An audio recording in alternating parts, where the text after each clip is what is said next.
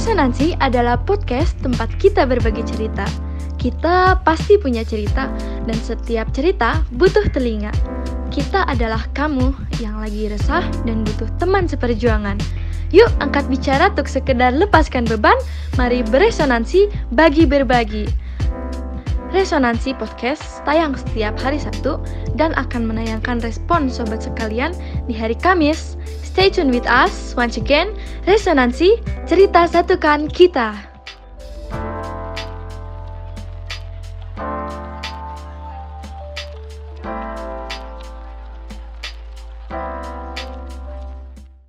Sobat Resonansi, apa kabar?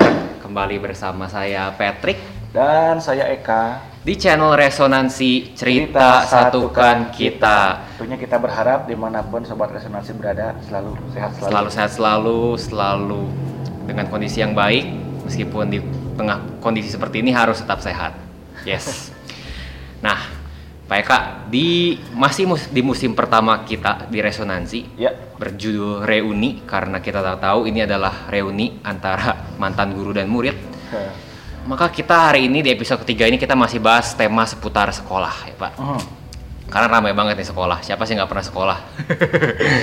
Asik. ya kisah kasih di sekolah paling indah konon katanya. Kata Krisye kayak gitu. Tapi kalau kita hari ini kita mau bahas tentang hal-hal berguna yang nggak diajarin di sekolah. Nah ini pasti sobat resonansi juga punya banyak opini dan nanti kita bisa saling sharing ya. Tapi untuk sekarang saya mau nanya dulu nih dari Pak Eka ya. Di zaman saya gitu ya, Betul, zaman Bapak tahun 50-an kali. Tahun 800-an. 800-an sekalian. Kagak, tahun 90-an, Bro. Oh. Nah, jadi eh, langsung aja ke saya gitu ya. Ya, gimana Pak ceritanya? Eh, mungkin bukan ke pelajarannya ya, bukan ke pelajaran tertentu, tapi lebih ke gini. Di zaman saya, di sekolah saya, yang mungkin hari ini udah nggak begitu ya. Nah, saya rasakan ya, eh, untuk saya secara pribadi gitu, di sekolah itu dulu saya ngerasa kurang diajarin soal cara mengambil keputusan. Jadi maksudnya semua pelajaran yang berbau moral, baik dari PKN atau agama gitu kan ya, si jawabannya itu didiktein sama guru. Hmm, gimana? Ya, tuh? dulu mau waktu belajar saya juga nggak nggak nggak kepikiran buat protes gitu ya. Tapi sekarang setelah saya gede, oh ternyata yang namanya benar salah, yang namanya ngambil keputusan kenapa harus A nggak B begitu kan?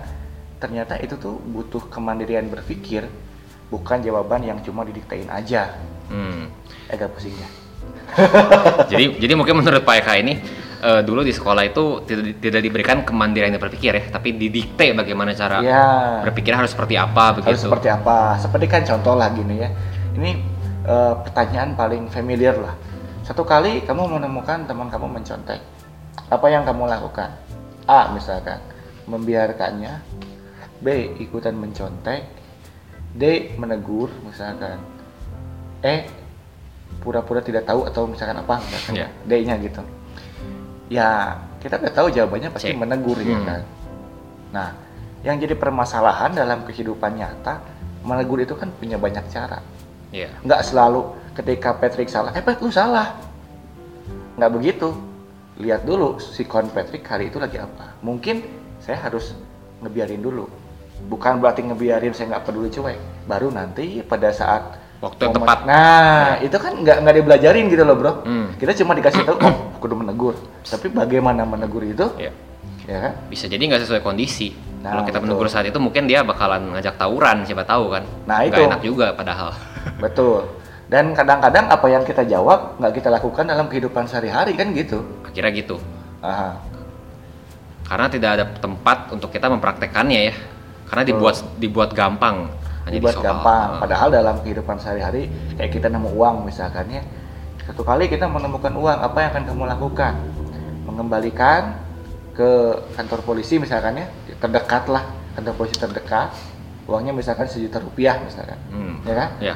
atau kamu beli smartphone atau kamu traktir temen atau kamu apa gitu kan itu saya kira jawaban benernya kita udah tahu gitu loh bro Hmm. pasti kita mengembalikan ke kantor polisi gitu kan. Tapi kita tidak dalam kondisi betul-betul menemukan. Yang mana kalau kita betul-betul menemukan itu pikiran hati dan jiwa bertarung. Iya. nah maksud saya maksud saya alangkah lebih baik kalau kita udah dikasih pelajaran moral, dikasihlah semacam tugas lapangan yang mana kita misalkan disuruh apa, nanti orang tua atau siapa ngasih penilaian sama kita. Hmm. Itu lebih oke kalau menurut saya. Ya, bener banget ya kata Pak Eka tadi soal hati, pikiran, jiwa apa? bertaruh ya. Nah iya, Eh, konflik konflik batin begitu loh. dan jangan lupa kampung tengah.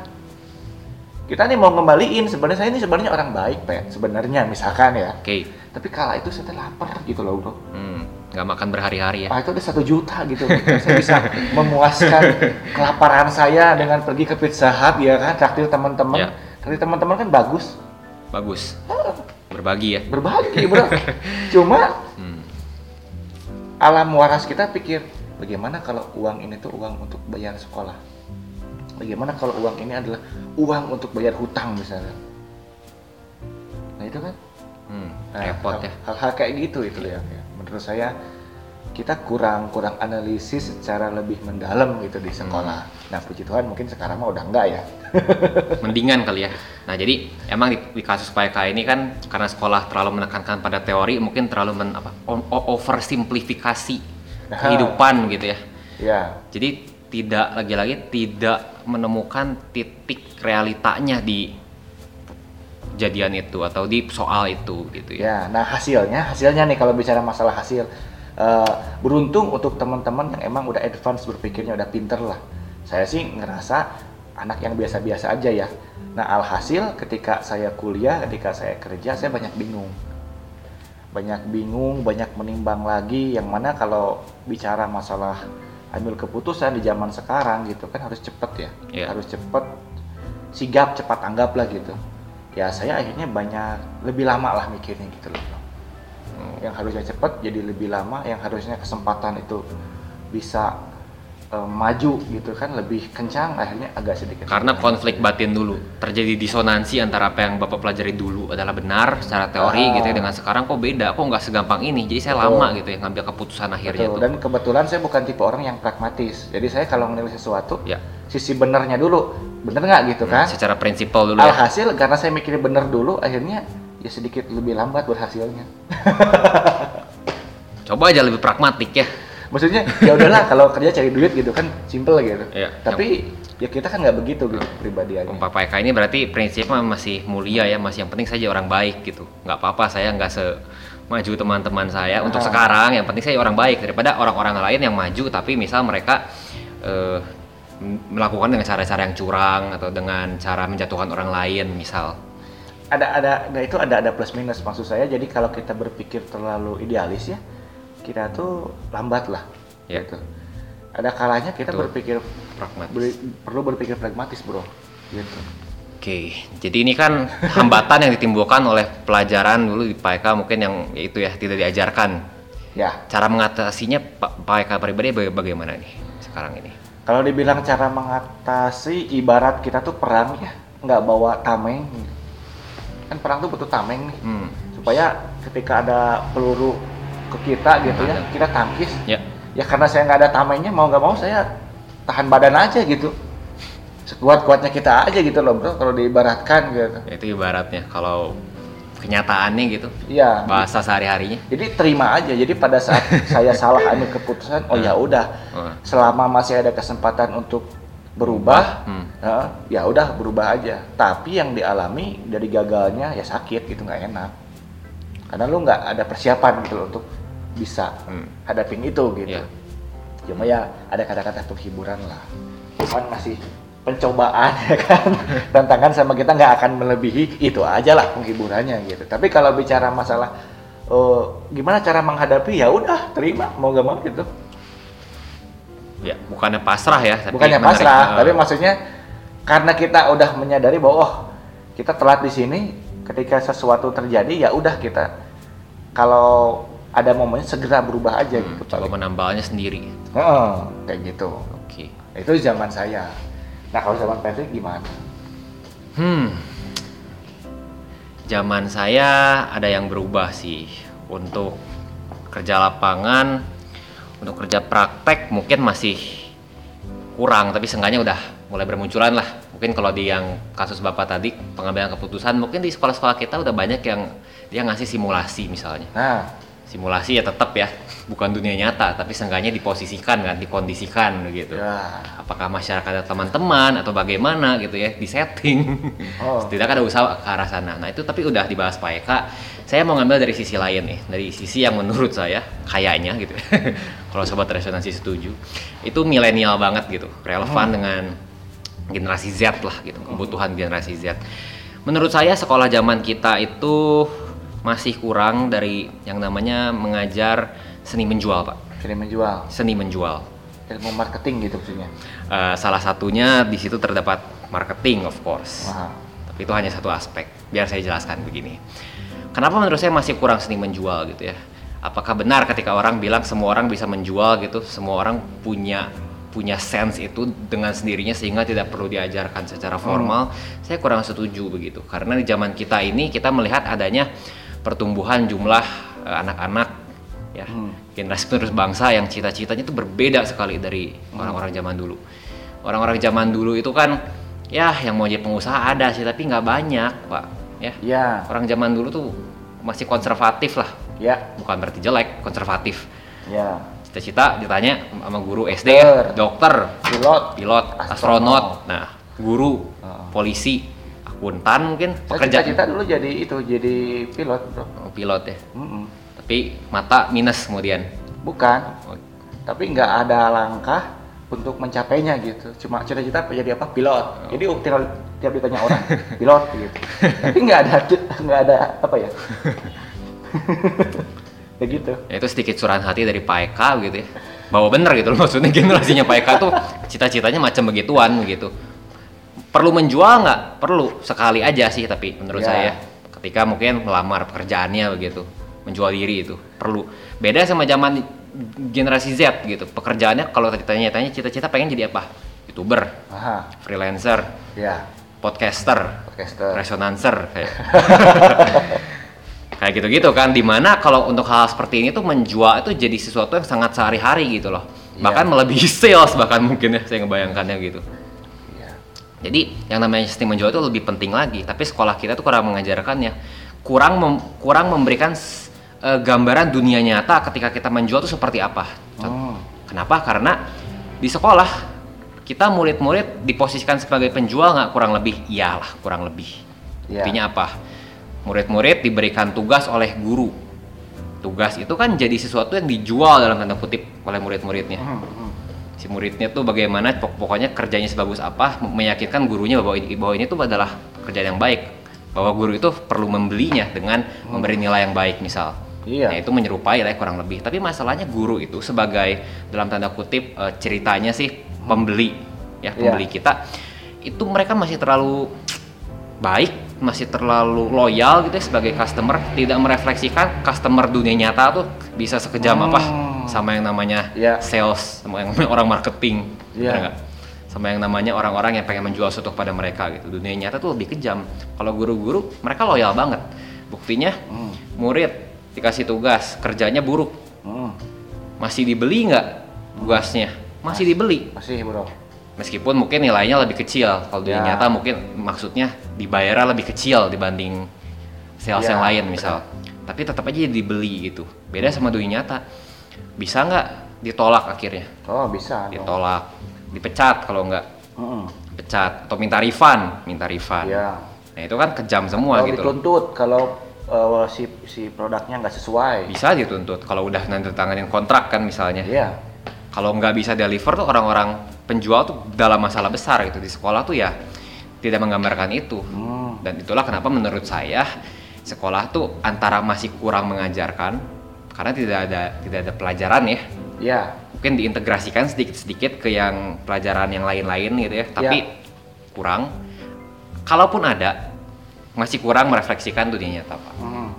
Tapi gini bro, kalau sekolahnya eh, merefleksikan dunia nyata, itu berapa siswa yang akan gugur ya?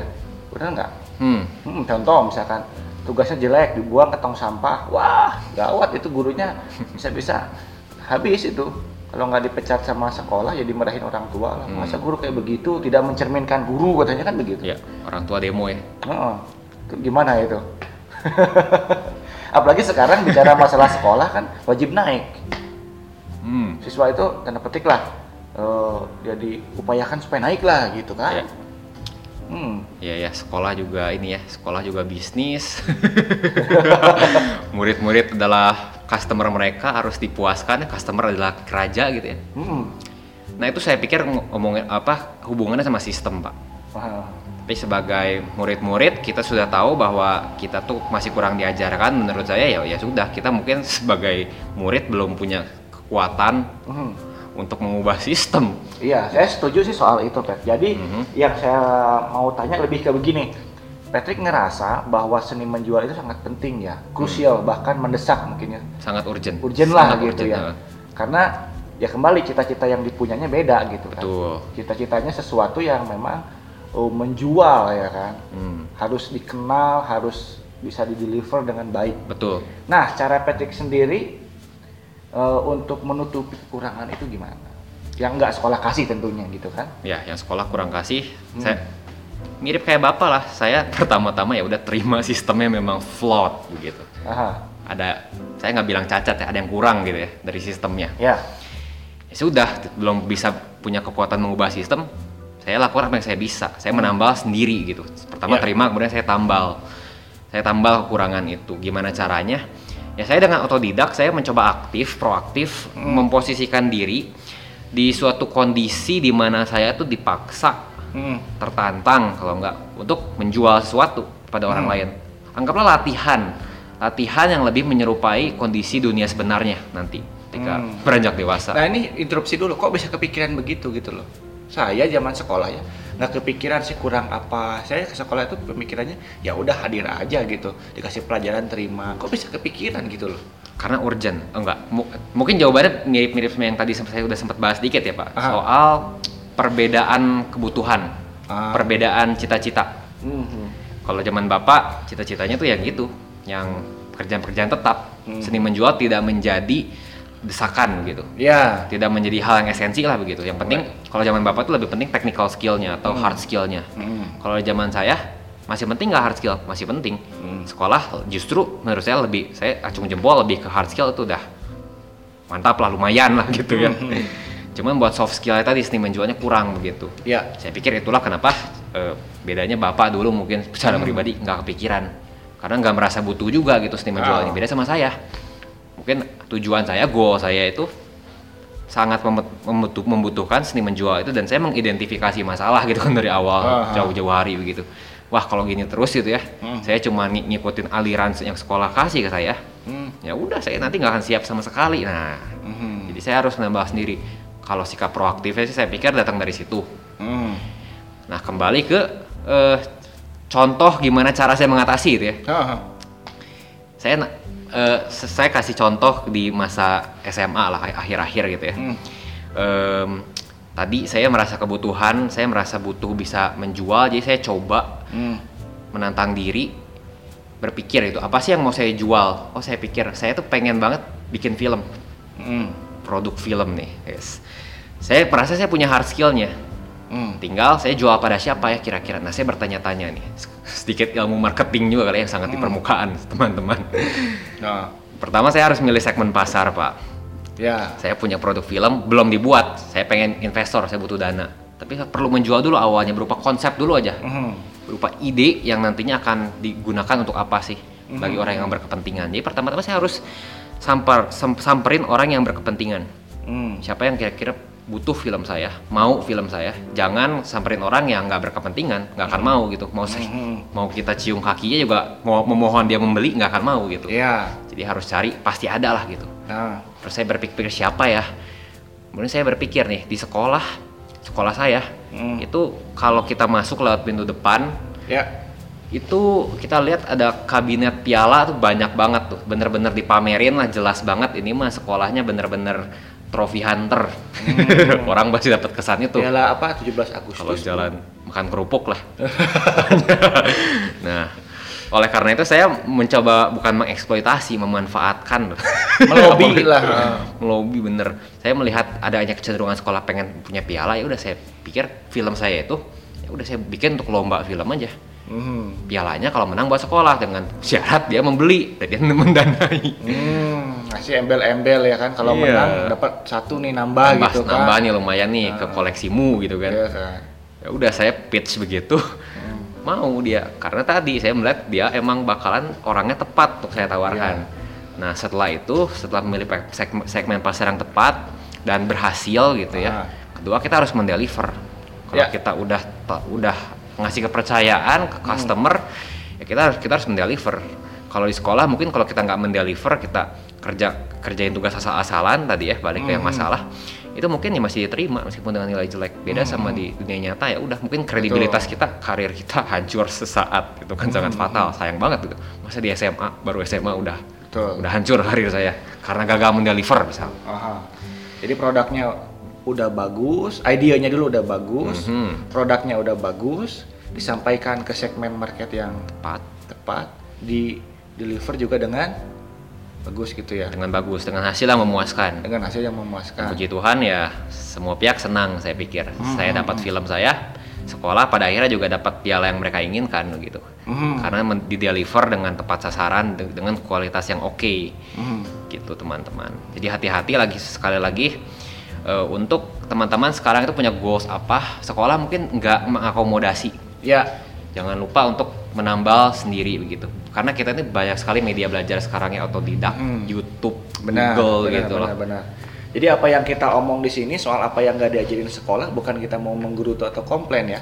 Betul. Tapi kita mencoba mencari terobosan sisi apa yang kita perlu tambahkan gitu kan ya. kita perlu tambahkan kita perlu benahi Betul. dari sendiri Tapi saya dapat sesuatu yang eh, berharga banget Pat, dari obrolan ini. hmm, apa tuh Pak? Itu soal seni menjual emang benar saya kerasa banget.